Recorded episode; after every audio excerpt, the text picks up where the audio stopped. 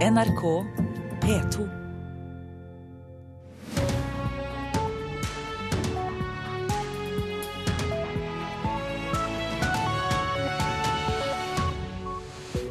Velkommen til Nyhetsmorgen onsdag 11. mars. 6.30 er dette våre overskrifter.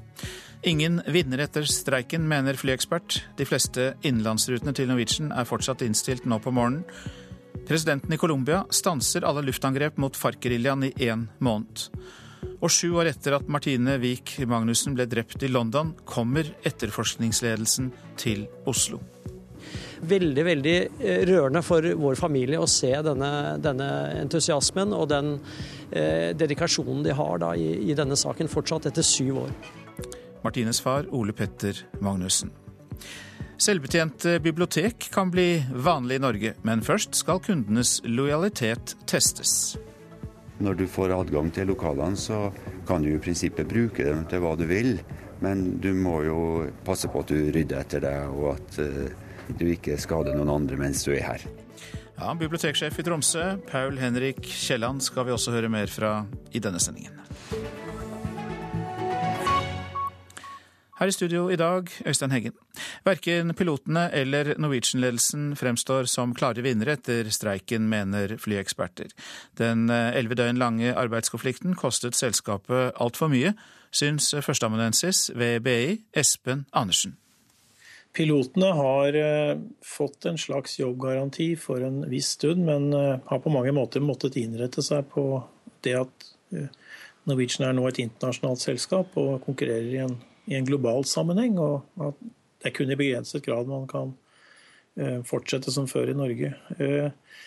Så, så de har tapt mye, men dette lå på en måte allerede i kortene. Eh, Kjos har fått gjennom mye av det han vil, men han har måttet betale en veldig høy pris for det. Det har vært en langvarig streik, og det må ha kostet mange penger. Sier Andersen, som har en doktorgrad i luftfart.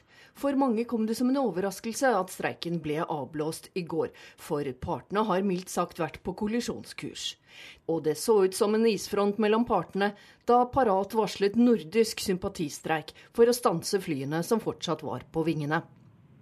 Men som vi hørte i Aktuelt i går, ordkrig kan snus til rørende enighet. Ja, Vi skal i hvert fall gå videre og dra dette selskapet videre i den fantastiske retning det har eh, skjedd fra 2002 til nå.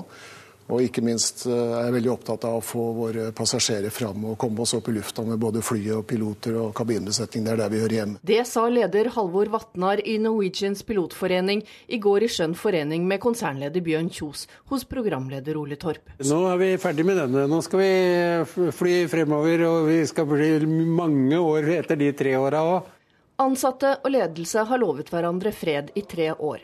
Men når pilotene igjen skal forhandle, vil de ha mindre makt enn de har i dag, mener Espen Andersen ved BI. Eh, deres makt vil være svekket. Eh, Norwegian kommer til å omtrent tredoble flåten. Det betyr at eh, hvis den norske trafikken er omtrent på 30% jeg er litt usikker, men jeg tror det er det den er på, sånn cirka, så vil den da være 10% fordi all veksten vil skje utenfor Norge. Det er klart at Da vil pilotenes forhandlingsmakt være svekket om tre år og konflikten i Norwegian har skadet selskapets omdømme. Det mener høyskolelektor ved BI, Pål Rasmus Silseth. Han tror likevel ikke det er kundeflukt selskapet trenger å tenke på først. Du har ansatte i Norwegian, du har potensielle arbeidssøkende til Norwegian. Og klart, De liker ikke at det er konflikt i det selskapet. Så du har andre grupper med personer som kan bli mer berørt enn kundene som kanskje er mer kortsiktige, og som kommer tilbake igjen i løpet av en to-tre uker. Og reportere her, det var Hedvig Bjørgum og Linda Reinholdsen. De fleste innenlandsflyene til Norwegian er innstilt eh, nå i morgentimene. Selskapet har sagt at det kan ta flere dager før alle ruter går som normalt etter elleve dager med streik. Blant noen av utenlandsavgangene er det store forsinkelser. Vi har reportere på landets største flyplasser, som du får høre fra etter hvert her i Nyhetsmorgen. Presidenten i eh, Colombia stanser alle luftangrep mot FARC-geriljaen i én måned. FARC erklærte ensidig våpenhvile i desember uten tidsbegrensning. Den colombianske presidenten sier at geriljaens våpenhvile er overholdt. Etter FARCs ensidige våpenhvile sent i fjor økte presset på Colombias regjering om å følge opp. Geriljaen krever en tosidig våpenhvile som en del av fredsprosessen, men Colombias president Juan Manuel Santos har avvist kravet. Inntil sent i går kveld.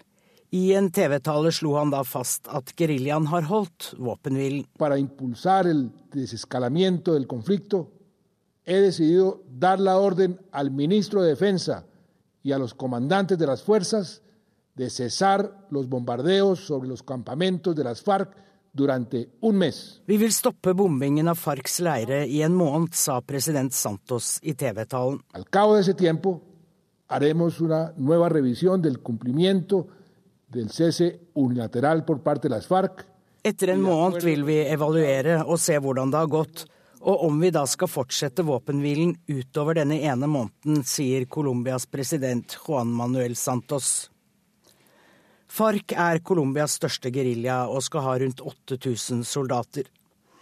Det er også en mindre gerilja, ELN, og FARC har bedt dem slutte seg til våpenhvilen. Det har de foreløpig ikke gjort. President Santos understreker at våpenhvilen han nå erklærer, ikke omfatter ELN-geriljaen. Claro la suspensión de bombardeos a campamentos de las FARC en nada, en nada las operaciones en contra del ELN. ELN-geriljaen har trappet opp sin kriminelle aktivitet og har ikke bidratt i fredsforhandlingene, sier Colombias president. Borgerkrigen i Colombia har vart i over 50 år. Over 200 000 mennesker er drept, og millioner har måttet flykte. I over to år har partene forhandlet om fred i Cubas hovedstad Havanna. Fredssamtalene startet i Oslo i 2012, og det er Cuba og Norge som tilrettelegger forhandlingene. Sa reporter Anette Groth. Denne uka er det sju år siden den norske studenten Martine Wiik Magnussen ble voldtatt og drept i London. I dag kommer etterforskningsledelsen i Scotland Yard og representanter for det britiske utenriksdepartementet til Oslo for bl.a. å møte Martines far, Odd Petter Magnussen. Jeg syns det er helt fantastisk. For Odd Petter Magnussen, som mistet datteren sin for sju år siden, betyr det svært mye at etterforskningsledelsen av Martine-saken i Scotland Yard i dag kommer til Oslo. Det er ikke bare viktig å vise at de er dedikert og på saken, sånn som de nå viser, men det er også veldig veldig rørende for vår familie å se denne, denne entusiasmen og den eh, dedikasjonen de har da, i, i, denne saken fortsatt etter syv år. Den norske studenten Martine Wiik Magnussen ble voldtatt og drept i London 14.3.2008. To dager seinere ble hun funnet død av politiet i en bygård der medstudenten Farouk Abdulhak hadde en leilighet. Han er den eneste mistenkte i saken, men rømte til hjemlandet Jemen, der han har levd som en fri mann siden. I februar i fjor skal han ha giftet seg. Det er selvfølgelig ekstra tankevekkende, veldig utfordrende for vår familie. For eh, Martine ville eh, i år vært 30 år, kunne ha startet sin egen familie. Eh, det er hun forhindret fra. Mistenkte flyktet til Jemen og har vært i frihet siden. Og har vært altså da fri til å, til å gifte seg, og gjorde det. Og starte sin egen familie der i fjor. Det er ekstremt utfordrende for, for vår familie å sitte og se på dette. I ettermiddag skal Magnussen være med på et møte på den britiske ambassaden i Oslo, der de skal planlegge sjuårsmarkeringen og diskutere hva de kan gjøre for å legge ytterligere press på Jemen for å få til en utlevering. I fjor laget britisk politi for første gang en Facebook-aksjon i Martine-saken. Det er eh, etterforskningsledelsen, altså etterforskningsleder eh, og nestkommanderende eh, der. Og så er det da en representant for den såkalte Yemen Desk i det britiske utenriksdepartementet, som jeg har hatt jevnlige møter med og jevnlig kontakt med for så vidt hele tiden.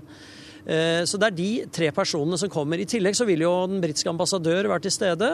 Eh, og også deputy på ambassaden. Så det blir, eh, i tillegg til Bondevik, Kjell Magne Bondevik, som, som også stiller. Britene skal også møte representanter for det norske utenriksdepartementet tidligere på dagen. Reporter her, det var Olav Døvik. Medlemsrotet i Den katolske kirke gjør at de nordiske kirkesamfunnene i Norge frykter at de kan miste offentlig støtte. Ifølge fylkesmannen i Oslo og Akershus er det ikke lov å overføre medlemmer fra moderkirkene uten å spørre hver enkelt først, skriver Vårt Land. Margareta-forsamlingen har søkt økonomisk støtte for svensker som ikke selv aktivt har meldt seg inn i den norske filialen. Det var basert på medlemslister de fikk oversendt fra svenska kyrka. Samme praksis har også finske og islandske kirkesamfunn i Norge hatt.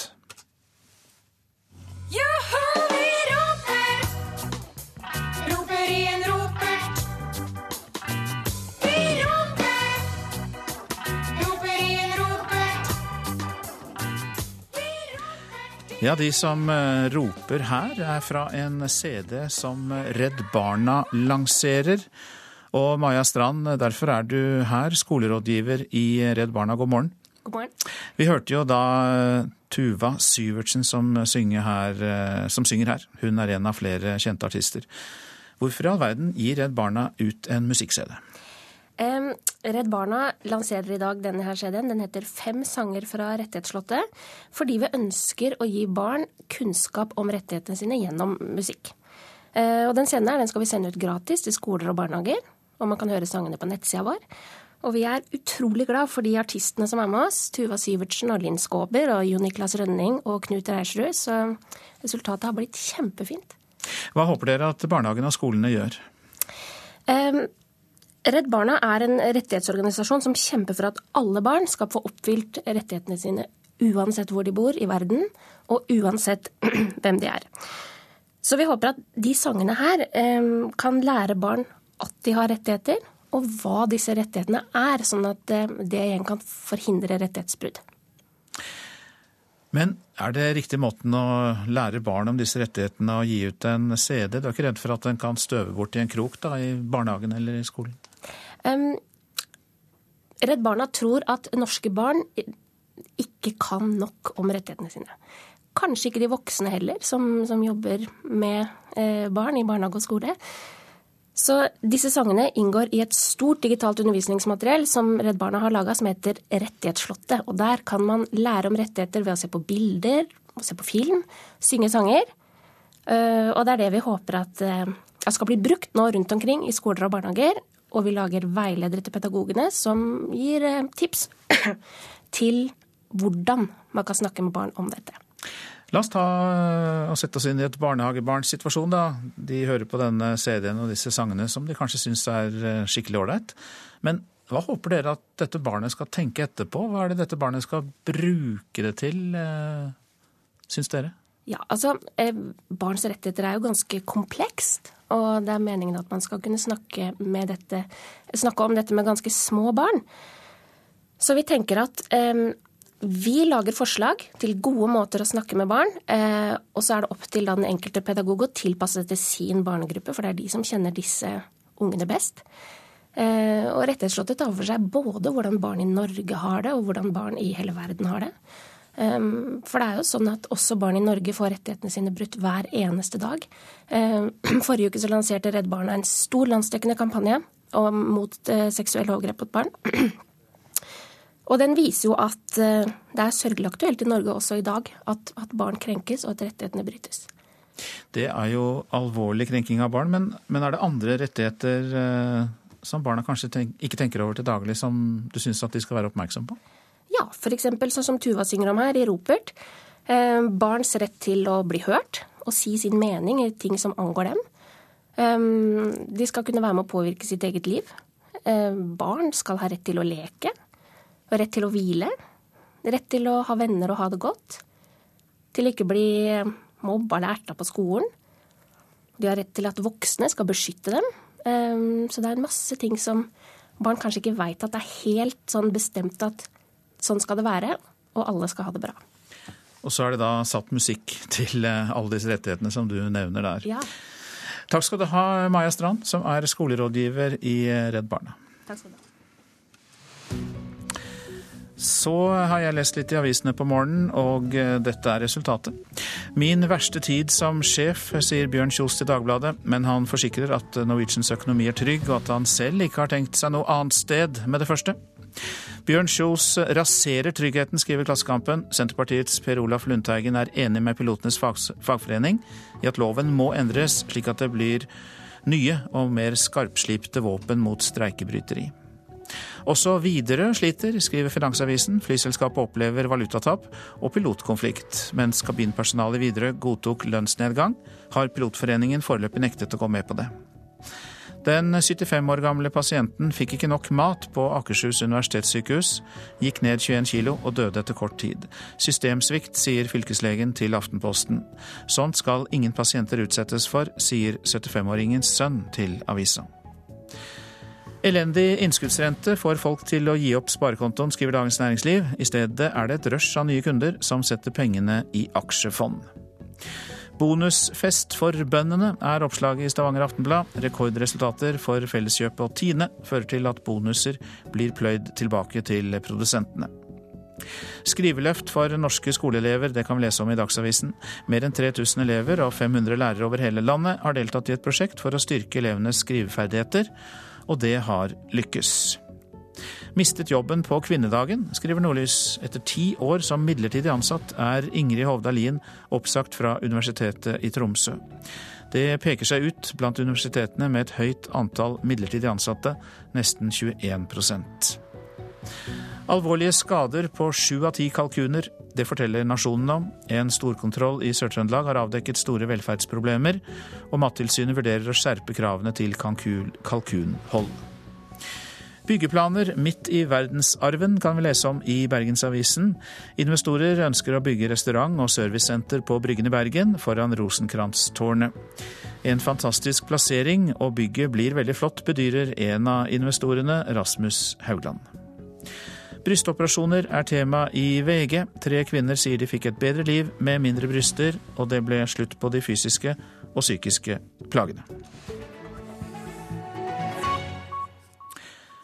Nå til sportens verden, for skiskytteren Synnøve Solemdal sier at hun har hatt en tung sesong og har vært langt nede. Nå håper hun å snu motgang til opptur i kveldens normaldistanse, for lite har stemt for den 25 år gamle skiskytteren som nesten ikke har konkurrert siden jul. Det har vært en tung sesong. Det har vært veldig tungt. Det har vært mange nedturer. Oppladninga til VM har vært alt annet enn ideell for Synnøve Solomdal, som nesten ikke har konkurrert siden jul. Jeg har lært veldig masse da, om, å, om å ha motgang. Nei, det, det har vært en, en, ny type sesong for min del. Men uh, det kan være, kan være, at det er godt å ha med seg i framtida. Og kanskje allerede på dagens normaldistanse.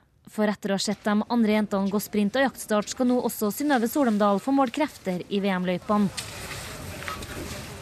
Og kanskje tar hun med seg noe av lærdommen fra en turbulent sesong. Jeg har skjønt det at du kan ikke alltid, alltid være glad og alltid være positiv. En må tillate seg sjøl å være, være litt skuffa og være litt nede. Og tillate seg sjøl å, å, ta imot hjelp fra dem, dem rundt. Så det, det har vært, vært, veldig fint. Det har vært veldig fint at det er så mange som har, har vært rundt og, og støtta meg og, og vært, vært veldig snill mot meg. Reporter i Kantelahti, Kristine Norvik Skeide. Og kvinnenes normaldistanse hører du i NRK Sport på DAB fra klokka 18. Klokka har passert 6.48. Dette er hovedsaker i Nyhetsmorgen. Ingen vinnere etter streiken, mener flyekspert og førsteamanuensis ved BI Espen Andersen. 87 av Norwegians ruter er fortsatt innstilt, mens de klarer å få på lufta 78 av dagens avganger. Presidenten i Colombia stanser alle luftangrep mot FARC-geriljaen i én måned. Og sju år etter at Martine Wiik Magnussen ble drept i London, kommer etterforskningsledelsen til Oslo. Veldig viktig for familien, sier Martines far, Odd Petter Magnussen. Mange håndverksfag her i landet er i ferd med å dø ut fordi kunnskapen ikke blir ført videre. På håndverksskolen på Hjerteleid på Gjerleid på Dovre håper de at TV-severen Anno kan være med og bidra til økt oppmerksomhet rundt gammelt håndverk. Uh, å lage et dyrehode. Litt sånn uh, god blanding av uh, Miksa forskjellige esellignende vesen med hornmonster, drageaktige. Fortelles med elev Jens Strassegger fra Jæren. Begynner å ligne på dyr, dette her? Ja. Uh, sånn fint, fine, store fortenner og litt sånn rare ja. ja, nei, det er absolutt en av de mer givende teknikkene som eh, vi har her. Det, ja. Han driver med et fag som svært få andre kan i Norge. Mange håndverksfag er rett og slett utrydningstruga, forteller rektor på håndverksskolen Helle Hundevatt. Ja, altså Noen kaller dem for rødlista håndverk, eller verne, små verneverdige fag. Og det er ca. 40 fag i Norge i dag som er i den kategorien. Smedfaget og treskjærefaget er, eh, er, to av dem som vi driver med her. Men det er behov for utdanningstilbud i veldig mange av de andre fagene også, som er i ferd med å dø ut. Men etter jul har flere av disse her fagene blitt framsynt i beste sendetid på NRK1 i realityserien Anno. Der har deltakerne blitt sendt 250 år tilbake i tid for å lære seg gammelt håndverk som båtbygging, glassblåsing og smiding. Jo, det tror jeg er veldig, veldig viktig og veldig, veldig positivt. For det, eh, disse små håndverksfagene har jo på en måte ligget litt i skyggen. Det har jo ikke vært eh, utdanningstilbud i dem. og det er eh, Eh, ja, det har ikke vært den der naturlige overleveringen fra far til sønn og mor til datter. Eh, sånn at eh, hvis nå ungdom kan få opp øynene for at dette faktisk er artig og mm, ja, spennende og gøy å, å, drive med, og utdanne seg innen håndverk, eller ha det som hobby, så er det kjempefint, syns jeg. Jens Strassegger angrer ikke på utdanningsvalget, og ser for seg framtid som smed. Men der de i TV-serien kan bli både svenn og mester i løpet av noen uker, gjenstår det mange, mange timer i kokende varme før en kan nå toppen. Det er ett år på videregående, to år som uh, lærling, og så kan man ta svenneprøve hvis man er god nok. Og så er det mange år med det man blir master, altså mester. Hva syns du om at uh, de gode, gamle håndverket blir vist fram på TV i beste sendetida? Jeg syns det er veldig gøy. For det er som folk får plutselig Oi, dette fins. Og så fordyper de seg, og så ser de oi, folk gjør dette i dag òg. Og det er ikke bare de gamle dagse tingene de skaper, de skaper ting som er viktige for framtida. Denne reportasjen den var laget av Reidar Kjestad. Mediene skydde unna tekstreklame for få år siden, men de siste to årene har mediehusene begynt å selge annonser som ligner på journalistikk. Det blir stadig mer tekstreklame, viser en ny rapport som Norsk Journalistlag har bestilt.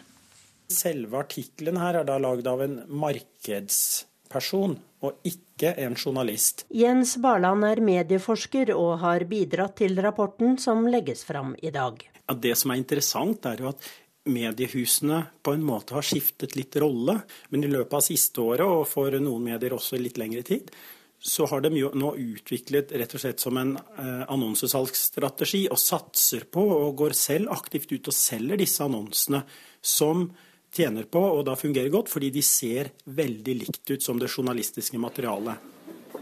Norsk Journalistlag, som er samlet til landsmøte, skal ta stilling til rapporten i dag og Trond Idås i sekretariatet synes det er alvorlig at stadig flere spaltecentimeter fylles med ikke-journalistikk. Hvis leseren eller publikum da stadig opplever at stoffet de tror er journalistikk, er en annen form for innholdsreklame, så vil det undergrave troverdigheten til mediene. Og mediene lever jo av troverdigheten. Altså det er derfor publikum bruker tid og penger på å tilegne seg medier eller kjøpe, se på TV eller hva det er for noe. Så det er jo en veldig skummel linje å legge seg på for bransjen. Både Vær varsom-plakaten, som er pressens egne etiske regler, og tekstreklameplakaten er under omarbeidelse. Det er nødvendig, mener Idås. Og det er, det er, jo faktisk sånn at uh, Grunnen til at vi fikk Vær varsom-plakaten for uh, nesten 80 år siden, var tekstreklame. altså Det var i hvert fall en av de viktigste grunnene til at vi i det hele tatt fikk en etisk, uh, yrkesetisk plattform den gangen. For Vi så at dette var ødeleggende for bransjen, og det er akkurat samme situasjon i dag, egentlig. Det er den digitale utviklingen og behovet for nye måter å tjene penger på som er bakteppet, sier medieforsker Jens Barland. Ja, vi ser jo eksempler både i Aftenposten, VG, Dagbladet, alle de avisene som Amedia eier, eh, som nå satser aktivt på dette, og hvor vi ser at de prøver seg fram på forskjellige måter. Sjefredaktør i Dagbladet, Jon Arne Markussen, kaller utviklingen en mulighet og ikke et problem. Eh, det er vår oppgave å sørge for at eh, de skillene blir eh, ivaretatt og blir passa på. Og Det gjør man bl.a. ved å merke reklame veldig tydelig. Og for vårt eget vedkommende så mener jeg vi har funnet en måte å gjøre dette på som er tilfredsstillende. Så det går an å håndtere begge delene i mediene. Dagbladets sjefredaktør Jon Arne Markussen, reporter Tone Staude. I fjor ble det lagt ned over 100 bankfilialer i Norge, nå er det 960 igjen.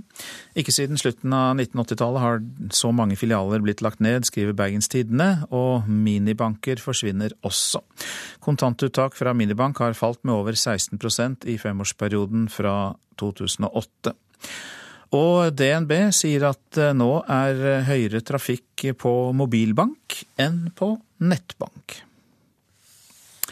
Flere bibliotek forsøker seg med selvbetjening. Det innebærer at publikum selv kan låse seg inn i lokalene utenom den vanlige åpningstiden. Fra i dag starter Tromsø bibliotek en slik ordning, som helt og holdent er basert på tillit mellom biblioteket og brukerne. På utsida er det én kodeleser, hvor du stikker lånekortet ditt. Og så åpner førstedøra seg. Så kommer du hit, inn hit i, i mellomgangen. Så putter du kortet på nytt inn, og så får du inn da. Når biblioteksjef Paul Henrik Kielland og de andre ansatte ved biblioteket i Tromsø har gått hjem for dagen, kan alle med underskrevet kontrakt låse seg inn i bøkenes verden. Det viktige er jo at eh, når du får adgang til lokalene, så kan du i prinsippet bruke dem til hva du vil. Og Kielland er ikke redd for at tilliten de gir publikum skal misbrukes. Erfaringen fra Danmark er svært god, og det har gjort at stadig flere norske bibliotek starter med dette tilbudet, forteller Svein Arne Tinnesand i Nasjonalbiblioteket. Fra det jeg har registrert, så er det vel en, en, en 20-30 selvbetjente eller mer åpne bibliotek, som jeg velger å kalle det det er virkelig et tverrsnitt av befolkninga som besøker biblioteket. Og Da kan en jo kunne se for seg at mange ikke har like stor respekt for offentlig eiendom. Men det, det, alle forteller om at uh, dette her har vært en suksesshistorie. Ting har blitt tatt vare på, og ingen rapporterer om noe betydelig svinn. Det sier Mariann Skeide, leder i Norsk bibliotekforening. Og de ser svært positivt på selvbetjeninga. Dette gjør ikke at bibliotekaren er overflødig. Vi trenger fortsatt fagkompetanse i biblioteket til å være veivisere i informasjonsjungelen. Dette her er et ekstratilbud. Og reporter i Tromsø var Hege Irén Hansen. Og så legger vi til at i Oslo f.eks. har Deichmanske bibliotek et mål om et selvbetjent tilbud på Majorstua fra 1.6, og ved flere avdelinger fra høsten av. Så var det værvarselet. Fjellet i Sør-Norge stort sett pent vær. I kveld sørlig periodevis sterk kuling utsatte steder. Østland og Telemark har et veldig kort værvarsel. Pent vær. Agder fra i ettermiddag østlig liten kuling på kysten vest for Lindesnes. Stort sett pent vær. Rogaland i ettermiddag sørøst sterk kuling og pent vær, men i kveld tilskyende. Hordaland og Sogn og Fjordane fra i formiddag gradvis øking til sørlig sterk kuling. Seint i kveld opp til full storm i nord. Men det blir pent vær. Eh, I kveld tilskyende, riktignok. Møre og Romsdal stort sett pent vær. I kveld tilskyende og sørlig sterk kuling i sør. Trøndelag enkelte regnbyger, snøbyger i høyereliggende områder. Fra i formiddag oppholdsvær.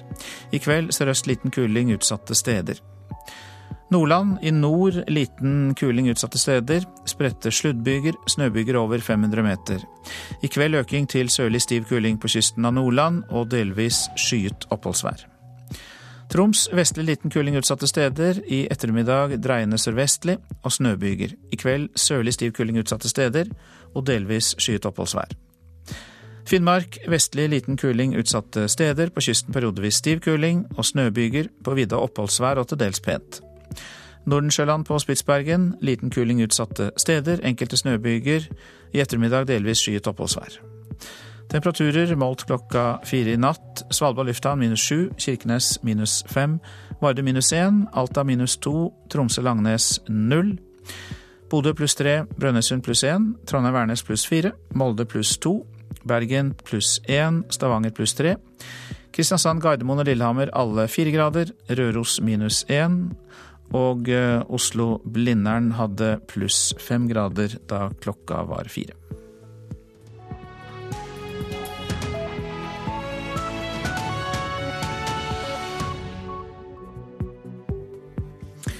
Og her i Nyhetsmorgen så oppdaterer vi deg på flytrafikken fra våre reportere der ute. Men vi spør også hvor Norwegian går nå når den bitre konflikten er over. Vi spør en spesialist på luftfart og konkurranse. Iran vil øke befolkningen. Det går utover kvinners rettigheter. Amnesty reagerer. Vi skulle også høre mer om rettssaken mot Oslo kommune, som nekter skyld i at en dement 83-åring døde. Og ikke alle bryllup går som de skal. Sogneprest forteller i Nyhetsmorgen. Verken pilotene eller Norwegian-ledelsen eh, framstår som klare vinnere etter streiken, mener flyeksperter. Den elleve døgn lange arbeidskonflikten kostet selskapet mye. En kostnad er et eh, dårlig rykte, men kundene de kommer tilbake, tror høyskolelektor ved Handelshøyskolen BI, Pål Rasmus Silseth.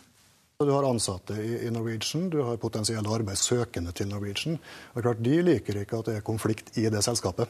Så du har andre grupper med personer som kan bli mer berørt enn kundene som kanskje er mer kortsiktige, og som kommer tilbake igjen i løpet av en to-tre uker. Ansatte og ledelse i flyselskapet Norwegian har nå lovet hverandre fred i tre år.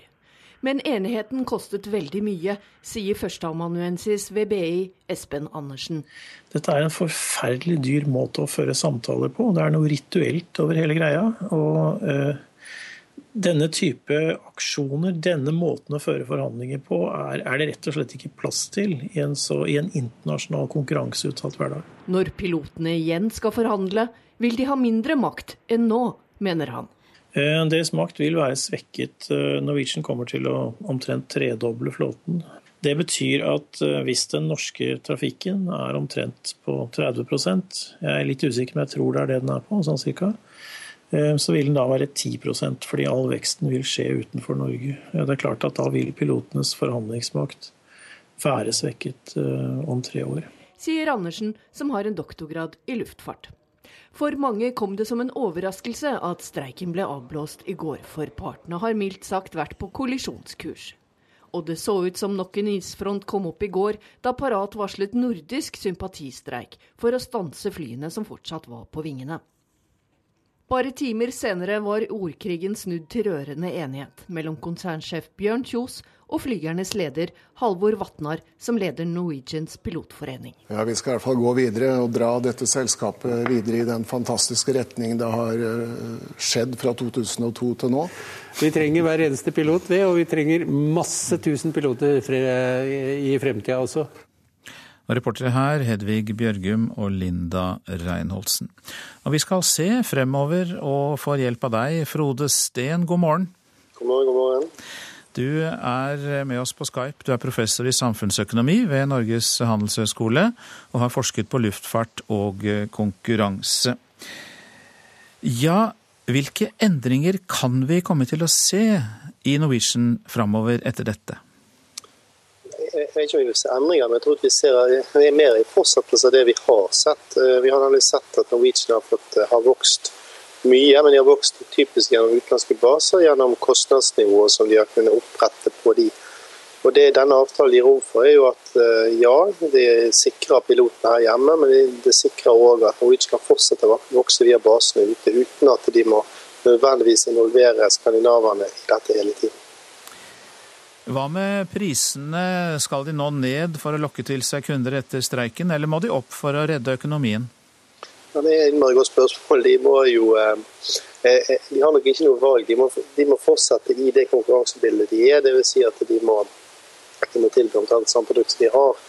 Jeg tror nok ikke at Norwegian har tapt så grusomt mye penger her hjemme. Nå ser vi bort fra streiken. Det er andre operasjoner de sliter mer med, sånn som long hold.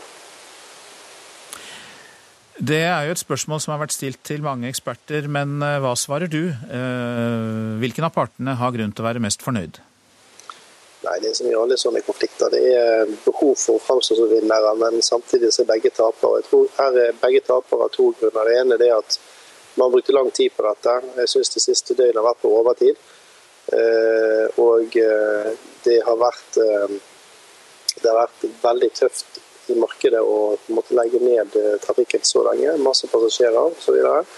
På den siden side er det klart at De har slåss om denne saken veldig lenge, selv om ikke vi har merket det så mye. Det har vært en diskusjon internt i selskapet. Det har vært rettssaker og rettsprosesser Så de var jo nødt til å finne en løsning på dette og få fred framover. Men i framtida så kan man kanskje ikke si at det blir et norsk selskap. Det blir vel eh, en forsvinnende liten norsk andel av eh, rutene? Ja, altså Fortsetter den veksten vi har hatt nå, så er det helt riktig. Da blir, eh, da blir det et mye mindre selskap. I den forstand at det blir mindre aktivitet her hjemme. Og Det er ingen grunn til å tro at vi skal fly mindre her om tre år enn det vi, vi flyr nå. Men, men uh, mye av veksten kommer ute. og det betyr at, uh, og, og litt viktig å få med seg at selv om sånn som jeg har forstått hvert avtalen, så betyr jo det at om vi reiser, flere av oss reiser på lange turer, enten med longhold eller med spanske eller engelske piloter, så er det fremdeles en del av skandinavene som, som, som reiser. Det er bare at de reiser mer på utland.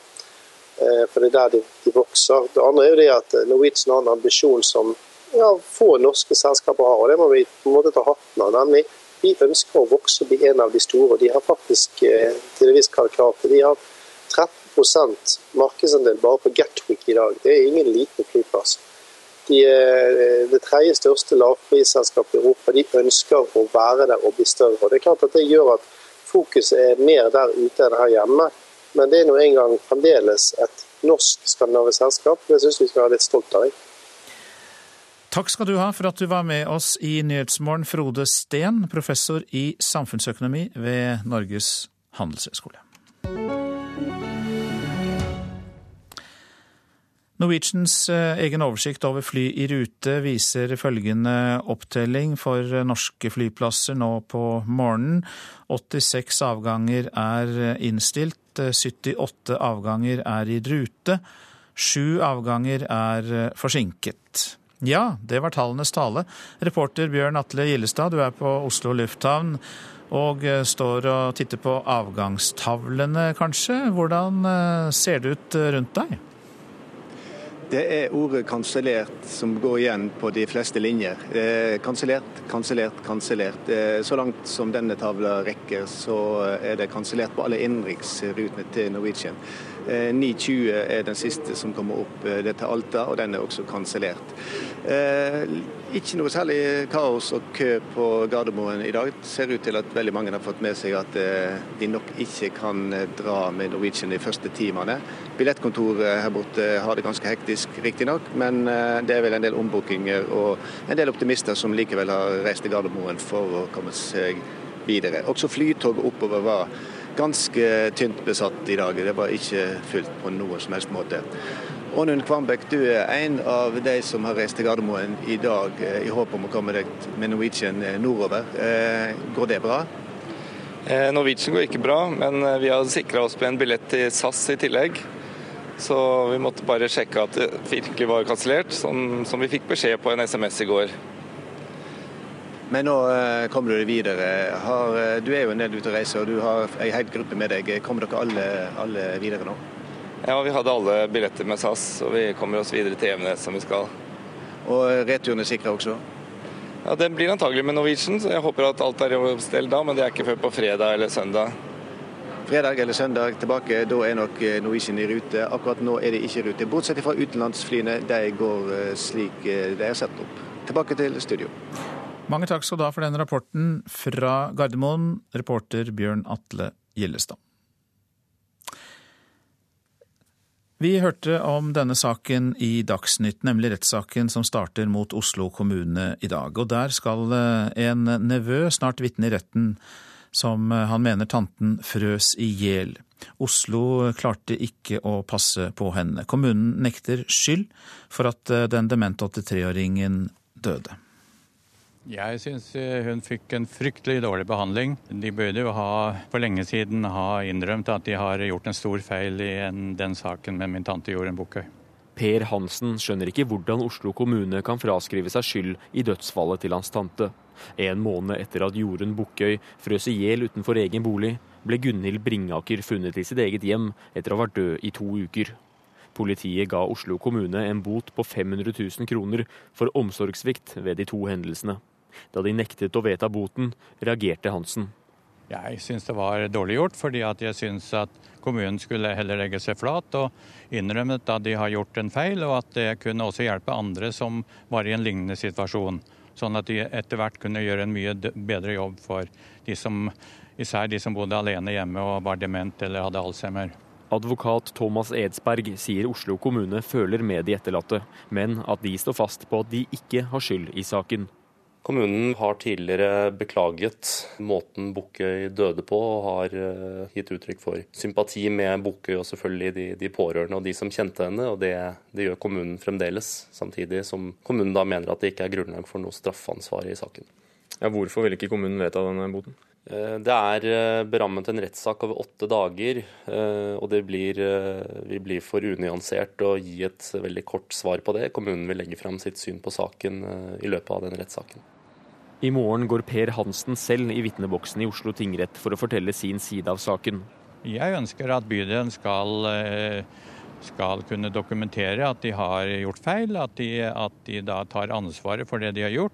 Eh, penger og bot eh, har ikke jeg noe med, men jeg syns i hvert fall de skal legge seg flate. Det burde jeg gjort for lenge siden. Da har vi kanskje vært ute av denne saken også. Tror du dette dødsfallet kunne vært unngått dersom hun hadde fått en sykehjemsplass i tide? Ja, i hvert fall på den måten. Om hun har eh, Hun kan jo selvfølgelig dø på en sykehjem, men hun har i hvert fall ikke vandret ut i kulden og, og froset i hjel. Noen mennesker blir så syke, for et så stort omsorgsbehov, at et, en god sykehjemsplass er faktisk det beste tilbudet for dem. Det sier Torgeir Brun Wyller, som er professor i geriatri og overlege ved geriatrisk avdeling ved Oslo universitetssykehus. Han ønsker ikke å kommentere saken mot Oslo kommune, men han mener at altfor mange kommuner svikter de eldre. Samhandlingsreformen, som ga kommunene alt ansvar for helsetjenestene til innbyggerne, virker rett og slett mot sin hensikt, mener han. I forhold til dette så har Samhandlingsreformen hatt en god del paradoksale effekter. Og En effekt er den at sykehusene har fått veldig sterke økonomiske pressmidler i forhold til kommunene når det gjelder å fort ta over pasienter som sykehusene vil ha ut. Og Sykehusene vil ha pasientene stadig fortere ut, fordi sykehusene har stadig færre senger. Det betyr at kommunene blir tvunget til å prioritere de pasientene som er på sykehus og venter på en sykehjemsplass, fremfor de som er hjemme og venter på en sykehjemsplass. Så Det betyr at sånne som bor hjemme, og som har et, ofte et gradvis økende omsorgsbehov over tid, som er godt kjent eh, av kommunens ansatte ofte, de vil da ofte komme enda lenger bak i køen enn de gjorde før, fordi kommunen må prioritere sånne hastesaker hvor de i løpet av ett døgn må skaffe plass til en sykehuspasient for ikke å bli utsatt for økonomiske straffetiltak. Bedre statlige føringer er stikkordet, og vi trenger flere sykehjemsplasser, sier Brunwiller. Tilbudet til eldre er veldig variabelt rundt i kommunene. Noen kommuner gjør jo dette veldig bra, andre steder er det mye dårligere. Og Det avspeiler jo at eh, kommunene er stilt veldig fritt til hvor mye de vil satse på eldreomsorg. På andre områder, f.eks. skole, barnehager osv., så, videre, så er det jo mye mer statlig styrt hva kommunene skal tilby. Når det gjelder eldreomsorg, så er det mye, mer, mye større lokal variasjon. Og Det betyr at noen steder så får vi et for dårlig tilbud som helt klart går utover de aller svakeste innbyggerne. Brun Wyller understreker at vi snakker om mange demente, og mennesker som ikke er i stand til å stå på for sin egen sak. Jeg tror kanskje det største sviket er at vi har gjort det til en økonomisk affære. At vi snakker om de eldre som om de først og fremst var en økonomisk byrde, i stedet for å se at det er samfunnets og vårt alles kollektive ansvar å sørge for at mennesker som kommer i en situasjon hvor de trenger hjelp, faktisk får et verdig tilbud. Reportere her Hans Jørgen Solli og Vegard Valestrand. Dette er Nyhetsmorgen, og klokka den har passert 7.17. Dette er hovedsaker. Selv om streiken er slutt, er de fleste innenlandsrutene til Norwegian fortsatt innstilt. Samlet sett er 86 avganger kansellert. 78 avganger er i rute, mens 7 avganger er forsinket. Og som vi hørte, Oslo kommune nekter skyld i at en dement 83-åring døde. Rettssaken starter i dag. Presidenten i Colombia stanser alle luftangrep mot FARC-geriljaen i en måned. Presidenten sier at geriljaens våpenhvile er blitt overholdt.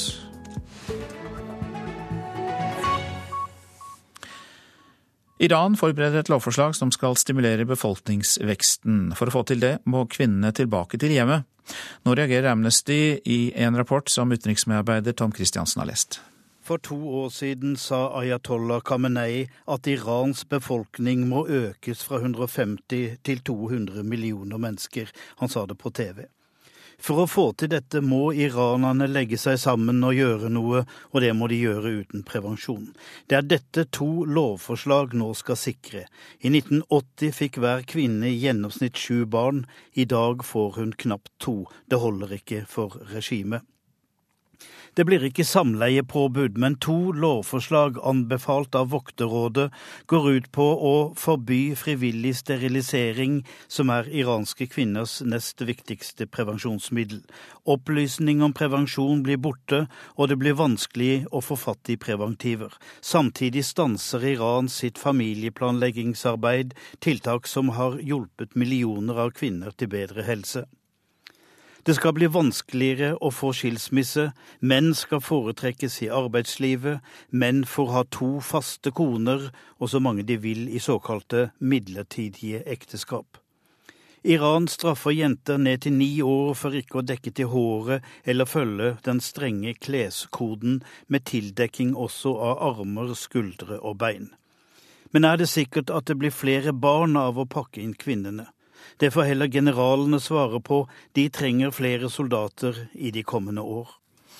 Det sa reporter Tom Christiansen. Og Patricia Caté, god morgen. God morgen. Du eh, jobber i Amnesty, du er eh, politisk rådgiver eh, der. Og ja, vi fikk jo en gjennomgang fra Tom Christiansen her om hva dette kan føre til. Hvordan reagerer kvinnemiljøene i Iran? Har dere registrert noe? De er jo veldig opprørte, fordi disse lovforslagene vil samlet med en allerede ganske diskriminerende lovgivning føre til at kvinner i realiteten blir fratatt muligheten til å bestemme over egen kropp og eh, seksualitet. Det vil føre til en dårligere helse, det vil føre til flere uønskede graviditeter, og, og sannsynligvis også flere da farlige aborter, for også aborttilgangen er sterkt begrenset i Iran. Hvis vi ser på kvinnenes situasjon i Iran eh, slik den er nå, før dette settes i verk, eh, hva slags rett har de til å bestemme over egen tilværelse?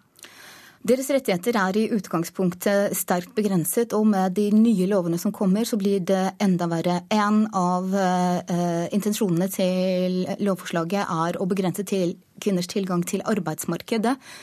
Allerede i dag er det bare 17% av de som arbeider, som er kvinner. Og dette til tross for at over halvparten av de som utdanner seg uh, i høyere utdanningsinstitusjoner, er kvinner. Så kvinner utdanner seg, kvinner vil jobbe, men deres tilgang til å forsørge seg selv er effektivt uh, begrenset. Og når du ikke har mulighet til å forsørge deg selv, så sier det seg selv at du blir mer, i større grad tvunget til å gifte deg, og også å være i forhold der du ikke har det bra, og der du kanskje er utsatt for vold og mishandling. En undersøkelse som ble gjort for noen år tilbake, viser også at eh, kvinner i Iran er veldig utsatt for vold i nære relasjoner. Eh, nesten 40% oppga at de var utsatt for fysisk vold fra begynnelsen av deres ekteskap. Du nevnte at det er mange kvinner som likevel har tatt utdanning, altså at Iran da kanskje har mange høyt utdannede kvinner. Er det et uh, lyspunkt for framtida? Det er eh, et lyspunkt for nåtiden, fordi at også kvinners tilgang til høyere utdanning blir forsøkt begrenset. Allerede i dag er det over 30 universiteter som, har, eh, som, nekter kvinner å ta bestemte utdanninger. og Det er alt fra engelsk språk og litteratur til ingeniørutdanninger. I alt 77 fag eh, blir nå forbudt for kvinner. og Det er også et uttalt mål å begrense kvinners mulighet til å ta høyere utdanning. Så eh, kvinnebevegelsen i Iran er selvfølgelig opprørt, og vi som menneskerettighetsorganisasjon ser dette som ganske dramatiske begrensninger av kvinners rett til å bestemme over egen kropp, over egen seksualitet, men større over eget liv. Dette med høyt utdannede kvinner, som jeg da trodde kunne være et lyspunkt, det strammes da også til. Så også der eh, vil man eh, se at det blir vanskeligere å komme seg til en høyere utdanning. Det, det, det, blir det. Og da håper jeg at uh, vår egen statsminister Erna Solberg tar opp dette uh, i, i, regjeringens møter med iranske myndigheter, men også i forbindelse med de kommende forhandlinger om FNs bærekraftsmål. Der er det viktig at vi får et eget mål om kvinner og likestilling som nettopp vektlegger kvinners rett til arbeid, kvinners rett til utdanning, uh, kvinners rett til seksuell og reproduksjon reproduktiv helse og også beskyttelse mot vold. Mange takk skal du ha for at du kom til Nyhetsmorgen, Patricia Caté, som uh, jobber i uh, Amnesty. Så til avisene. Min uh, verste tid som sjef, sier Bjørn Kjos til Dagbladet, men han forsikrer at Norwegians økonomi er trygg, og at han selv ikke har tenkt seg noe annet sted med det første. Bjørn Kjos raserer tryggheten, skriver Klassekampen. Senterpartiets Per Olaf Lundteigen er enig med pilotenes fagforening i at loven må endres, slik at det blir nye og mer skarpslipte våpen mot streikebryteri. Også Widerøe sliter, skriver Finansavisen. Flyselskapet opplever valutatap og pilotkonflikt. Mens kabinpersonalet i Widerøe godtok lønnsnedgang, har Pilotforeningen foreløpig nektet å gå med på det. Den 75 år gamle pasienten fikk ikke nok mat på Akershus universitetssykehus, gikk ned 21 kilo og døde kort etter. Systemsvikt, sier fylkeslegen til Aftenposten. Sånt skal ingen pasienter utsettes for, sier 75-åringens sønn. Elendige, in, elendige innskuddsrenter får folk til å gi opp sparekontoen, skriver Dagens Næringsliv. I stedet er det et rush av nye kunder som setter pengene i aksjefond. Bonusfest for bøndene er oppslaget i Stavanger Aftenblad. Rekordresultater for Felleskjøpet og Tine fører til at bonuser blir pløyd tilbake til produsentene.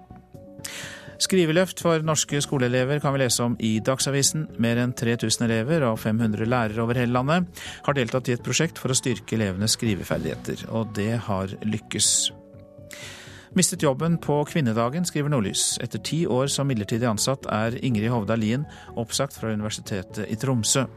Det peker seg ut blant universitetene med et høyt antall midlertidig ansatte, nesten 21% Alvorlige skader på sju av ti kalkuner, forteller Nasjonen. En storkontroll i Sør-Trøndelag har avdekket store velferdsproblemer, og Mattilsynet vurderer å skjerpe kravene til kalkunhold. Byggeplaner midt i verdensarven kan vi lese om i Bergensavisen. Investorer ønsker å bygge restaurant og servicesenter på Bryggen i Bergen foran Rosenkrantz-tårnet. En fantastisk plassering, og bygget blir veldig flott, bedyrer en av investorene, Rasmus Haugland. Brystoperasjoner er tema i VG. Tre kvinner sier at de fikk et bedre liv med mindre bryster, og det ble slutt på de fysiske og psykiske plagene.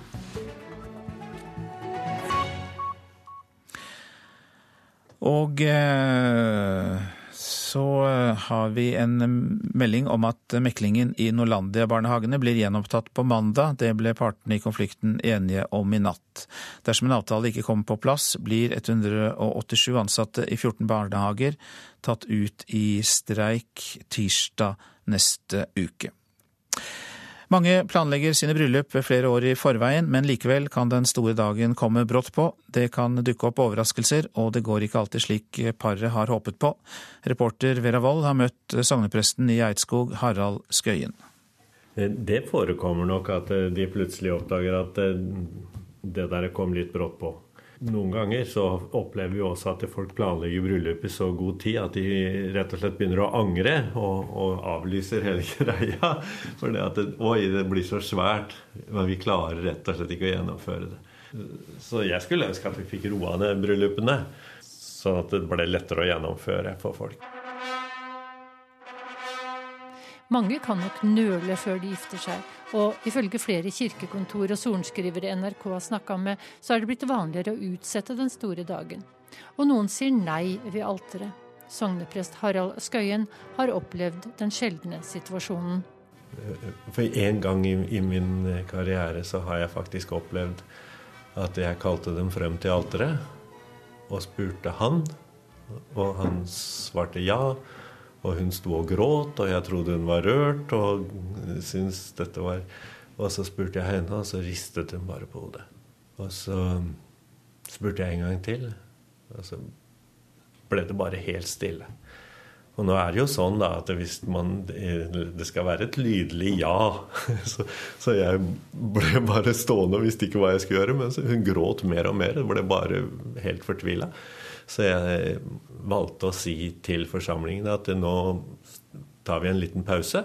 Så skal vi gå og snakke litt sammen. Må, nå må jeg prøve å forstå den situasjonen. I sakristiet forklarte bruden at hun egentlig aldri hadde villet dette bryllupet. Og så sier hun altså at det, ja, men jeg vil det ikke. Jeg har aldri fått de andre til å skjønne liksom åssen jeg har det. Alle ville dette bryllupet, og vi har vært sammen lenge, og alt var så riktig for alle de andre. I det følelsesmessige kaoset som oppsto, forlot brudgommen kirken. Presten visste ikke helt hvordan han skulle takle situasjonen, men forsøkte å få forståelse og respekt for brudens avgjørelse. Hun var jo utrolig modig så sa jeg vel ingenting om at hun kanskje burde ha tenkt seg om på forhånd. For det har ikke noe hensikt der og da. Ja, det var eh, sognepresten i Eidskog, Harald Skøyen, som eh, var i eh, samtale med reporter Vera Wold. Du lytter til Nyhetsmorgen. Prosent i dag, Elise Heisel Asbjørnsen. Her i studio, Øystein Heggen. Elfenbenskystens jernlady er dømt til 20 års fengsel. Hør mer om henne i reportasjen etter Dagsnytt. I Politisk kvarter spør vi om eh, Arbeiderpartiet og SV er eh, sant. Dit eh, kommer påtroppende nestleder i Arbeiderpartiet Trond Giske og leder i SV Audun Lysbakken.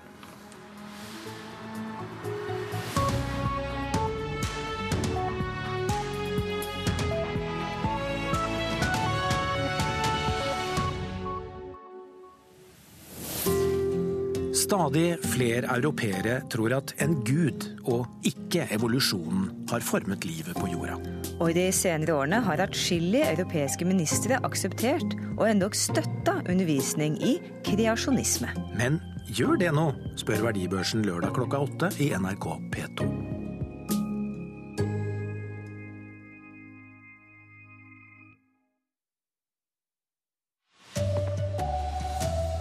Streiken i Norwegian er slutt, men mange fly er fortsatt innstilt. Colombias myndigheter stopper angrep mot FARC, dermed er våpenhvilen tosidig. Oslo kommune nekter å betale bot for omsorgssvikt etter at et 83-åring frøs i hjel. I dag må kommunen i retten. Her er NRK Dagsnytt klokka 7.30.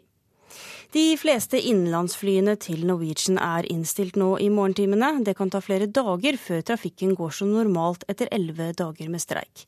Reporter Bjørn Atle Gildestad, du er med oss fra Oslo lufthavn. Hvordan er stemningen på Gardermoen etter streikeslutten? Ingen kaos og ingen uh, store køer. Uh, det drar seg riktignok til litt med billettkontoret her. Det er en del ombookinger på gang. Men ellers så står det altså kansellert, kansellert, kansellert på Norwegians innenriksflyvninger fram til i hvert fall klokka ti, så langt vi kan se på tavla. Det er enda mange timer til Norwegian går som normalt innenlands. Utenrikstrafikken deres går stort sett i rute, men også der er det en del forsinkelser og kanselleringer. Eh, Ånund Kvambekk, du er en av de som skal reise med Norwegian i dag. Og du er optimist og har stilt opp på Gardermoen. Hvor skal du? Jeg skal til Evenes. Og Går det bra? Ja, det går ikke bra, for den er kansellert. Men uh, vi fikk beskjed på SMS i går. Og vi har vært ute i god tid og sikra oss billetter på SAS i tillegg. Og da er du ei hel gruppe som skal videre, og det går likevel bra? Ja, vi er ti stykker, så vi tar SAS opp nå, og så tar vi Norwegian ned på fredag eller søndag. Da regner vi med at flyene er i rute. Det er altså relativt rolig på Gardermoen. Det var ganske rolig på Flytoget også. Mange har nok fått med seg at trafikken ikke går som normalt eh, før eh, langt ut på dagen og kvelden kanskje i dag. Takk skal du ha, reporter Bjørn Atle Gildestad. Og også ved de andre flyplassene i landet er det innstillinger og forsinkelser med Norwegian i dag. Verken pilotene eller Norwegian-ledelsen fremstår som klare vinnere etter streiken, mener flyeksperter. Den elleve døgn lange arbeidskonflikten kostet selskapet altfor mye, mener førsteamanuensis ved BI, Espen Andersen. Dette er en forferdelig dyr måte å føre samtaler på. Det er noe rituelt over hele greia. og... Eh, denne type aksjoner, denne måten å føre forhandlinger på, er, er, det rett og slett ikke plass til i en, så, i en internasjonal konkurranseutsatt hverdag. Ansatte og ledelse har lovet hverandre fred i tre år. Men veien dit har kostet begge parter dyrt. Ingen av dem er vinnere sånn sett, sier professor Frode Steen ved Norges handelshøyskole. Nei, Det er som gjør alle sånne konflikter. Det er behov for å framstå som vinnere, men samtidig er begge tapere. Jeg tror her er begge tapere. På den siden er det klart at De har slåss om denne saken veldig lenge, selv om ikke vi har merket det så mye. Da. Så De var jo nødt til å finne en løsning på dette og få fred framover. Konflikten påvirker selskapets omdømme, men det er ikke kundeflukt selskapet trenger å tenke på først, tror høyskolelektor ved Handelshøyskolen BI, Pål Rasmus Silseth. Du har ansatte i Norwegian, du har potensielle arbeidssøkende til Norwegian.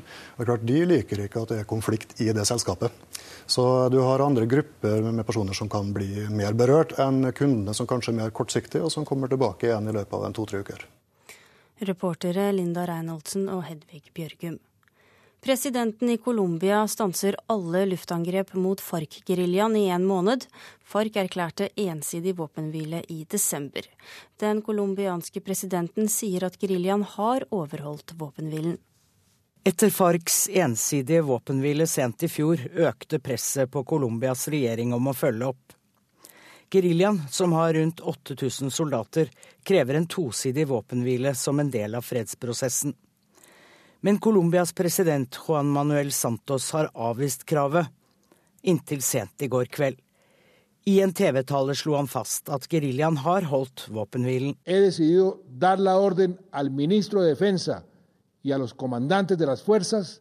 de cesar los bombardeos sobre los campamentos de las FARC durante un mes. Vi vil stoppe bombingen av FARCs leire i en måned, så skal vi vurdere om vi fortsetter våpenhvilen, sa president Santos i TV-talen.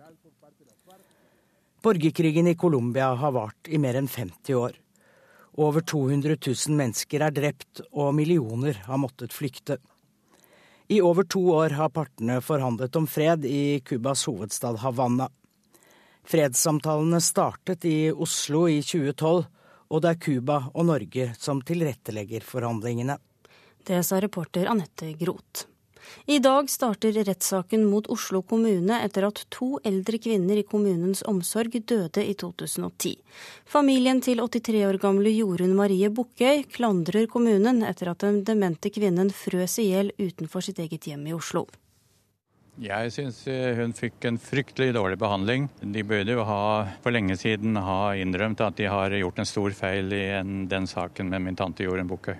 Per Hansen skjønner ikke hvordan Oslo kommune kan fraskrive seg skyld i dødsfallet til hans tante. En måned etter at Jorunn Bukkøy frøs i hjel utenfor egen bolig, ble Gunhild Bringaker funnet i sitt eget hjem etter å ha vært død i to uker. Politiet ga Oslo kommune en bot på 500 000 kroner for omsorgssvikt ved de to hendelsene.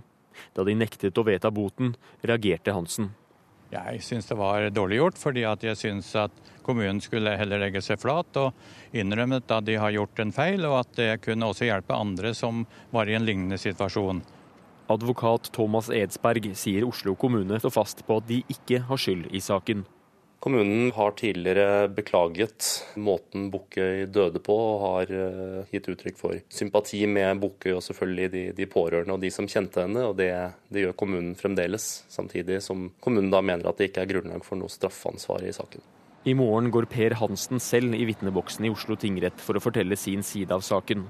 Om det blir bot på Oslo kommune eller ikke, bryr han seg ikke noe om.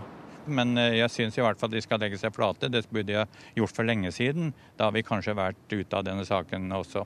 Tror du dette dødsfallet kunne vært unngått dersom hun hadde fått en sykehjemsplass i tide? Ja, i hvert fall på den måten. Om hun har eh, Hun kan jo selvfølgelig dø på en sykehjem, men hun har i hvert fall ikke vandret ut i kulden og, og froset i hjel. Noen mennesker blir så syke, får et så stort omsorgsbehov, at et, en god sykehjemsplass er faktisk det beste tilbudet for dem. Det sier Torgeir Brun Wyller, som er professor i geriatri og overlege ved geriatrisk avdeling ved Oslo universitetssykehus. Han ønsker ikke å kommentere saken mot Oslo kommune, men han mener at altfor mange kommuner svikter de eldre. Samhandlingsreformen, som ga kommunene alt ansvar for helsetjenestene til innbyggerne, virker rett og slett mot sin hensikt, mener han. Sykehusene har fått veldig sterke økonomiske pressmidler i forhold til kommunene når det gjelder å fort ta over pasienter som sykehusene vil ha ut. Og Sykehusene vil ha pasientene stadig fortere ut, fordi sykehusene har stadig færre senger. Det betyr at kommunene blir tvunget til å prioritere de pasientene som er på sykehus og venter på en sykehjemsplass, fremfor de som er hjemme og venter på en sykehjemsplass. Reportere Vegard Valestrand og Hans Jørgen Solli. Kripos har mottatt ti nye tips om attentatet mot tidligere forlagssjef i Aschehoug, William Nygaard. For tre uker siden ble dusøren økt til to millioner kroner for tips som kunne oppklare saken. Nygaard ble skutt og livstruende skadet utenfor sin bolig i 1993. Denne uken er det sju år siden den norske studenten Martine Wiik Magnussen ble voldtatt og drept i London. I dag kommer etterforskningsledelsen i Scotland Yard og representanter for det britiske utenriksdepartementet til Oslo for å møte bl.a. Martines far, Odd Petter Magnussen. Jeg syns det er helt fantastisk. For Odd Petter Magnussen, som mistet datteren sin for sju år siden, betyr det svært mye at etterforskningsledelsen av Martine-saken i Scotland Yard i dag kommer til Oslo. Det er ikke bare viktig å vise at de er dedikert og på saken, sånn som de nå viser, men det er også veldig veldig eh, rørende for vår familie å se denne, denne entusiasmen og den eh, dedikasjonen de har da, i, i, denne saken fortsatt, etter syv år. Den norske studenten Martine Wiik Magnussen ble voldtatt og drept i London 14.3.2008. To dager seinere ble hun funnet død av politiet i en bygård der medstudenten Farouk Abdulhak hadde en leilighet. Han er den eneste mistenkte i saken, men rømte til hjemlandet Jemen, der han har levd som en fri mann siden. I februar i fjor skal han ha giftet seg. Det er selvfølgelig ekstra tankevekkende, veldig utfordrende for vår familie. For eh, Martine ville eh, i år eh, vært 30 år, kunne ha startet sin egen familie. Det er hun forhindret fra. I ettermiddag skal Magnussen være med på et møte på den britiske ambassaden i Oslo der de skal planlegge sjuårsmarkeringen og diskutere hva de kan gjøre for å legge ytterligere press på Jemen for å få til en utlevering. I fjor laget britisk politi for første gang en Facebook-aksjon i Martine-saken. Reporter Olav Døvik. Ansvarlig for sendingen var Gro Arneberg, teknisk ansvarlig Mari Janne Myrhol, og i studio satt Tonje Grimstad.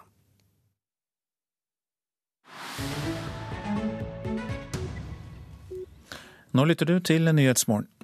Hun ble en gang kalt Elfenbenskystens jernlady, men i går ble tidligere førstedame Simone Bagbo dømt til 20 års fengsel for volden som skjedde etter presidentvalget i 2010. Hennes mann er anklaget for forbrytelser mot menneskeheten av Den internasjonale straffedomstolen i Haag. Wenche Eriksen har laget denne reportasjen.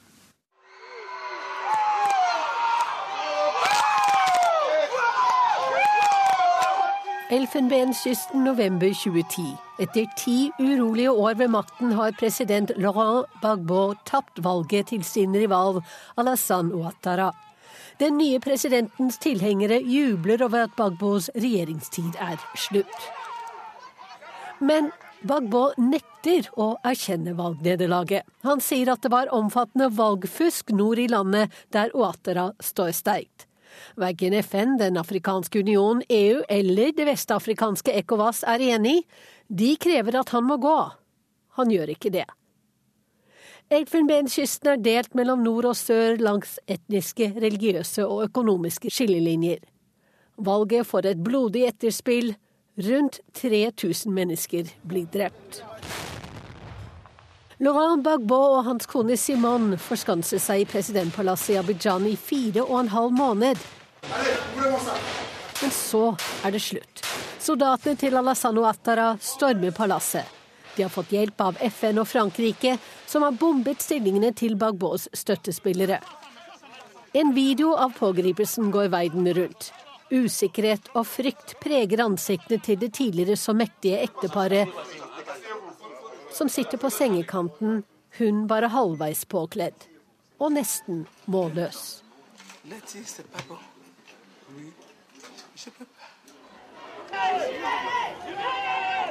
Nesten fire år senere demonstrerer 200 mennesker utenfor justispalasset i Abidjan. Forbryter, snikmorder, roper de da landets tidligere førstedame kommer til rettsbygningen. Madame, madame. Hun smiler og vinker, og nekter seg skyldig i medvirkning til volden etter 2010-valget.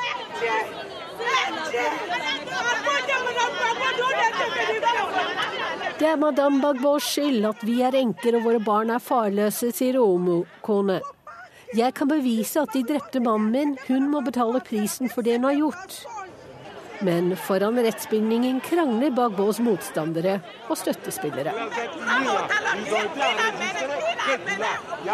Er det bare dere fra Djula-folket i nord som ble drept? Er dere de eneste som teller? roper en mann.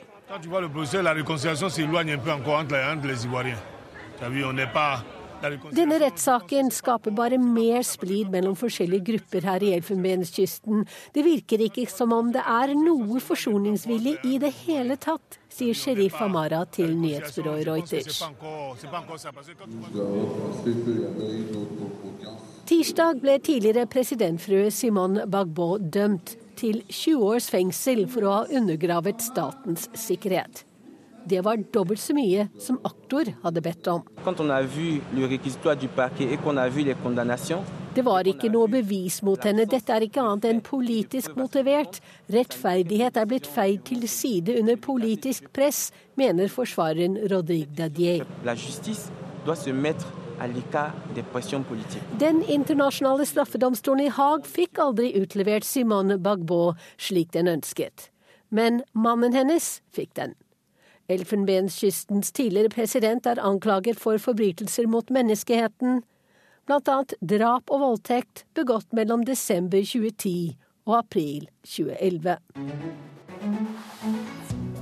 Dette er hovedsaker i Nyhetsmorgen. Streiken i Norwegian er slutt, men halvparten av selskapets avganger er fortsatt innstilt. Spesielt gjelder det innenriksflyene.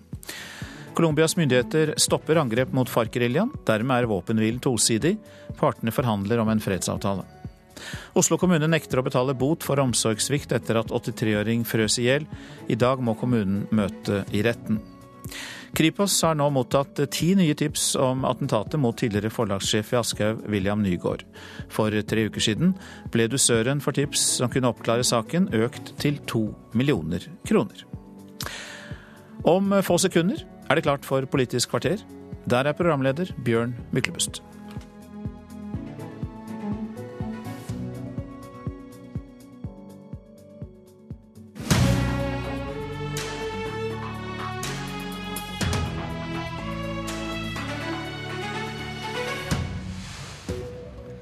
Audun 4% møter Trond 40% Når SV er små, går Arbeiderpartiet mot Høyre, skriver Lysbakken i sin nye bok.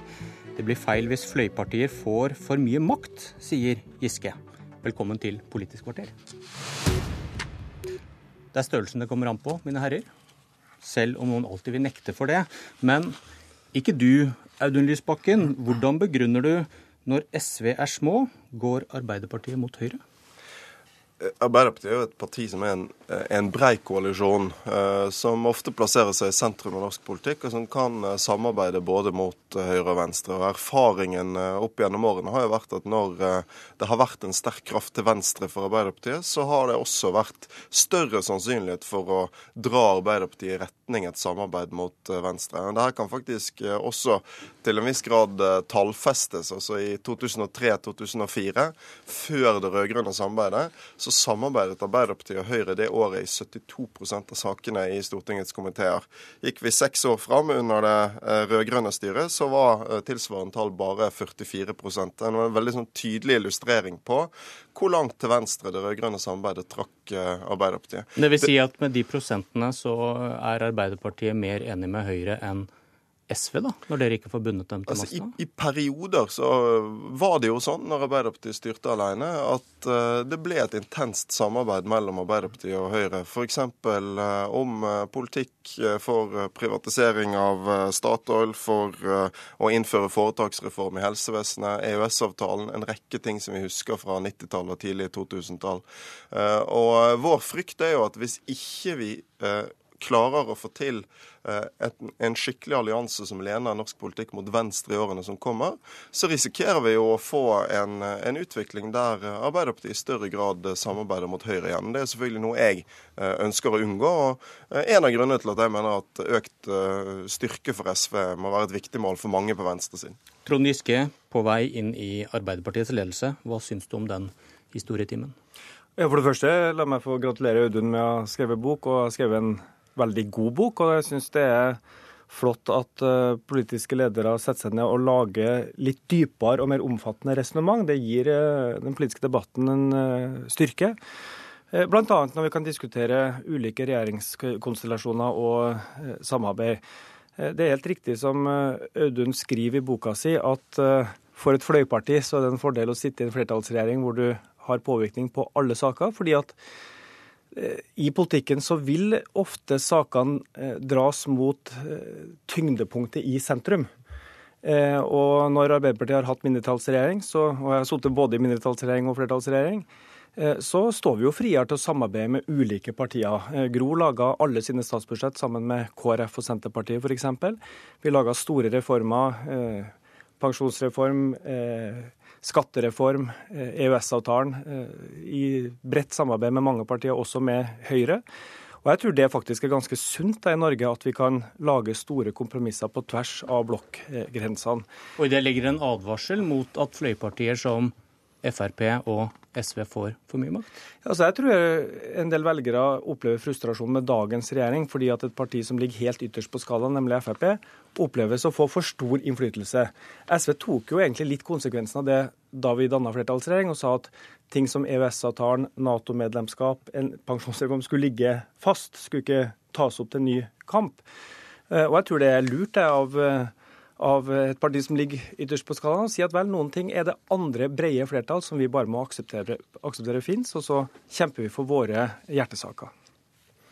Jeg tror det er, eh, Noen på venstresiden har jo vært eh, flinke til å hevde at det nesten ikke finnes forskjell mellom eh, de to store partiene i norsk politikk, Arbeiderpartiet og Høyre. Det er jo bare, det er bare tull. Og I min bok så skriver jeg mye pent om hvorfor Jonas Gahr Støre bør bli statsminister, og hvorfor vi ønsker oss en eller annen form for samarbeid videre. Du sier to ting. Du sier at du og Trond er i familie, men slipp han løs, og han samarbeider med Høyre. Nettopp for det jeg sier er at jeg vil gjerne ha Jonas som statsminister, men ikke Arbeiderpartiet alene ved makten. Fordi mitt utgangspunkt selvfølgelig er at jeg ønsker en politikk som ligger så langt til venstre som mulig. En mest mulig kraftfull omfordelingspolitikk. En eh, raskest mulig utbygging av offentlige fellesløsninger.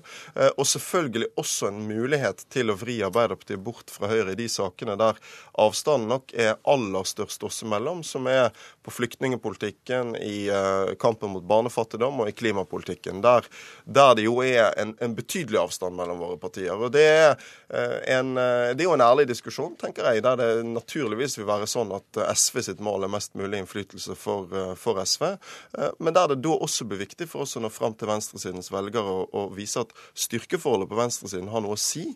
Og hvis en ønsker at Arbeiderpartiet skal lene seg mot venstre, så er det nødvendig at det også finnes et parti med styrke til venstre for, eh, for Trond og Jonas. Giske, vil Arbeiderpartiet gå til valg på et avklart regjeringsalternativ før 2017? Det har ikke vi begynt å diskutere ennå. Først og fremst så har vi gjort egentlig litt det samme som Audun gjør, nemlig gått i oss sjøl, fornya politikken, sett på eh, nye svar. Altså Etter åtte år i regjering så er det kanskje litt sunt å eh, være litt fri fra departementskontorene og kunne tenke helt fritt og tenke helt nytt. Men Du trenger ikke si hvilke partier, men kan du si at dere vil gå til valg på et avklart regjeringsalternativ? Ja, Det, det, det har vi ikke tatt stilling til. Nei, det, for, for dere var veldig harde mot de borgerlige før valget sist. Det var et kjempeproblem at de ikke kunne si hvem som skulle i regjering før valget.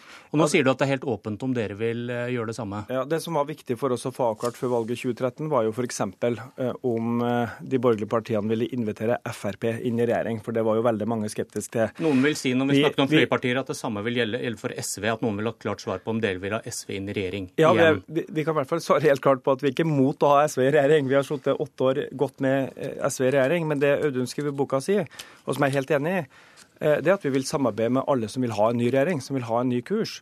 Og Det som er spennende med det Det høres ut som de borgerlige dette her før 2013, som var så grusomt. Ja, men det var veldig viktig i 2013 å få avklart om Frp skulle i regjering. Nå vet vi hva resultatet av, av det er. Vi skal ikke dra hele den debatten. Men eh, jeg syns det er spennende at eh, Audun også nå sier at det er mulig å samarbeide med KrF for SV. Vi ser f.eks. nå i Trondheim, Sør-Trøndelag andre kommuner at KrF og SV og Arbeiderpartiet samarbeider godt sammen. Vi er enige om veldig mye av retninga på politikken. De her største konfliktsakene som partnerskapslov, abortlov osv. er egentlig lagt til side. Der har KrF akseptert at det er et stort eh, flertall som vil eh, noe annet. Eh, KrF og SV er kanskje mer enig eh, seg imellom enn med Arbeiderpartiet i noen enkeltsaker rundt eh, miljøspørsmål. Så jeg tror det åpner også for noen nye konstellasjoner i 2013, nei, 2017 som kan være veldig spennende. Lysbakken, du sa det samme før valget sist jeg hørte opp en partilederdebatt i går kveld. og Det var et kjempeproblem at de borgerlige ikke kunne si hvem som skulle i regjering før valget. Men nå vil du holde det helt åpent om SV vil gå inn i regjering eller ikke. Det var to veldig forskjellige prosjekter uh, som var antydet. Det vi fikk, nemlig en regjering med uh, Høyre og Fremskrittspartiet, og det som hadde vært uh, alternativet, kanskje en regjering med Høyre, KrF og Venstre. Det er to, to veldig forskjellige alternativer. Men det sier det du fordi at du ikke liker Frp, noen liker ikke ja, SV. Det... og vi sier at logikken gjelder like sterkt. At dere også bør avklare ja, det... hvilken regjering dere vil ha etter et nytt år. Det er én stor forskjell, da, og det er at SV nettopp har sittet åtte år som del av en rød-grønn regjering. vi har vist at vi kan styre det her landet, eh, og vi har vist at vi kan samarbeide. Det betyr òg, mener jeg, at det er et større rom eh, for at vi kan gå til valg i 2017 og si vi skal finne en måte å samarbeide på. SV, Arbeiderpartiet, Senterpartiet, kanskje flere også. Det kommer til å gi landet eh, et flertall, det kommer til å gi landet en regjering. Og jeg tror ikke noen kommer til å være i tvil om det. Så vil jeg være tydelig på å si at for, for SV så er det klart at vår egen styrke har noe å si for om vi kan sitte i regjering eller ikke. Men du vil ikke si eh, hvor sterke dere må være? Altså, Igjen veldig uklart altså, har, på hvilke har, premisser dere vil eventuelt gå inn i en regjering. Jeg har lært av Torbjørn Jagland å ikke sette et tall for det, uh, men jeg er uh, veldig Men da burde dere kanskje ha litt flau smak i munnen når dere krevde det samme fra de borgerlige? Nei, fordi det vi uh, har, er tre partier som er klare for å samarbeide med hverandre tre partier som vil samarbeide med hverandre, de tre rød-grønne partiene fra sist. Og så får vi se om også flere partier ønsker å være med uh, på det. Uh, det er jo sånn at det er betydelig uenighet på vår side om viktige saker, men det er jo en annen verden enn det vi ser på høyresiden, der altså samarbeidspartier går ut med de mest uhyrlige anklager mot hverandre. Sant? Så vi har et Samtidig annet... sier du at du har forståelse for et Per Sandberg-rolle i boka di, at du, du er uenig i den kritikken han får? Jeg skrev det riktignok før dette Midtøsten-utspillet hans, men, men, men, eh, det er klart at, at Frp må, må, få signalisere sine primærstandpunkter. Det har ikke jeg noe imot. Du, du, du, eh, du, skriver i boka også at å stemme på oss har blitt det samme som å stemme på Arbeiderpartiet. Og I går hørtes det ut som du sa en stemme på SV er en stemme på Støre som statsminister, som du bekrefter nå også. Det blir stemmekvegg for dere, dette da, Giske? Altså, jeg, for det første så syns jeg det er fint nå, eh, når vi er to og et halvt år unna et stortingsvalg, og først og fremst har et kommunevalg å tenke på, at vi kan ta oss råd til å diskutere innholdet i politikken, og ikke bare dette spillet om hvem som samarbeider med hvem. Eh, det andre er at jeg syns Audun er ganske klok når han skriver i boka si at et parti som er forholdsvis lite, må gjøre noen klare valg om hva som er viktigst å få gjennomslag for, og så stå hardt på det. Eh, de Grønne i Tyskland lyktes å sitte som en juniorpartner i en eh, flertallsregjering med økt oppslutning fordi man valgte noen saker som man sto på. Og Når man leser boka til Audun og lista over hva SV faktisk fikk gjennomført, altså full barnehagedekning, 1 eh, til bistand, et løft på barnevernet, masse andre saker, så skulle det egentlig være mer enn nok. Likevel opplever en del at SV ikke leverte nok, fordi man ikke hadde vært tydelig på hva som var viktig. Så det er jeg helt enig med Audun i at det er klok strategi for SV. Kort til slutt, Audun Lysbakken. En stemme på SV er en stemme på Støre som statsminister. Kan høres ut som historien kan gjenta seg? At du gjentar de feilene du faktisk peker på i boka? Jeg tror jo folk ville blitt sjokkert hvis jeg åpnet for å støtte Erna Solberg som statsminister. Men Det er vel problemet deres, du har ikke noe alternativ? Jeg vil ha Jonas som statsminister, men vi kommer til å stille tøffe krav for å være med i et samarbeid. og Det er derfor vi sier vi har flere alternativer. Vi kan være med i et regjeringssamarbeid. Vi kan være med i et formalisert samarbeid hvis vi får gjennomslag for det som er viktigst for oss. Men hvis vi ikke får det, så kommer vi til å være i opposisjon også til en Arbeiderparti-regjering. Begge de alternativene fins, men alle skal vite vite at en stemme til SV er en stemme for å bli kvitt den regjeringen som fører en mørkeblå kurs for Norge i dag. Det skal alle føle seg 100% sikre på, og det tror jeg det er våre velgere vil ha også. Det er størrelsen det kommer an på. Takk. Politisk kommentator i NRK, Magnus Takvam, setter seg ned. Du har lest boka til Lysbakken. Hvorfor mener du SV sliter med størrelsen? Det er et eh, par helt opplagte svar på det. Eh, de har fremdeles et taperstempel etter regjeringsperioden. Det fører til at dere og andre diskuterer SVs problemer da, og ikke løsninger. Partiet har også mistet sakseierskapet på områder der de tradisjonelt har hatt det, f.eks. på skolepolitikk, miljøpolitikk. Og med dagens regjeringskonstellasjon, en mindretallsregjering, så er det andre partier som er mer interessante maktpolitisk i den offentlige debatten, f.eks. sentrumspartiene som samarbeidspartier, og som hele tiden eh, må kompromisse og forhandle i Stortinget med, med regjeringen. Og selvfølgelig Arbeiderpartiet som Eh, den store magneten i, eh, blant opposisjonspartiene. Så det er en serie av omstendigheter. Ja, Med det bakteppet, hva tenker du da om Lysbakkens tanker om regjering eller ikke regjering etter 2017? Ja, Han sier vel eh, to ting, nemlig at med den styrken eller den oppslutningen SV har nå, så er det, er det litt søkt å begynne å snakke om regjeringsspørsmål i det hele tatt. Men han må jo svare på spørsmålene.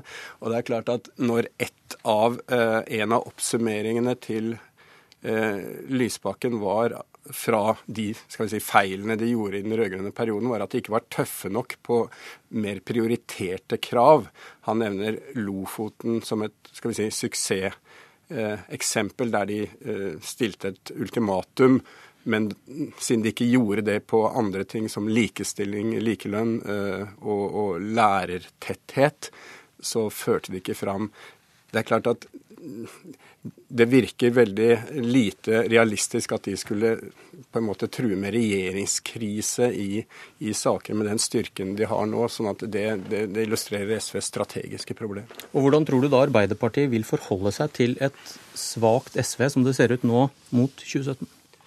Jeg tror det, det, viktigste for Arbeiderpartiet er bl.a. å forsøke å få sentrum over til seg, altså flere deler av sentrum, KrF. Og da dropper man SV? Eh, ja, i hvert fall vil man ikke avklare det før valget, fordi KrF vil antagelig være i en eh, lojalitetssituasjon og, og, være i en samarbeidskonstellasjon fram til valget. Muligens si at de er mer uavhengig, men alt det vil først løses etter valget. Så jeg tror ikke man får noe svar på det spørsmålet før etter valget i 2017. Politisk kommentator Magnus Takvam, takk for at du var med i Politisk kvarter. Jeg heter Bjørn Myklebøst.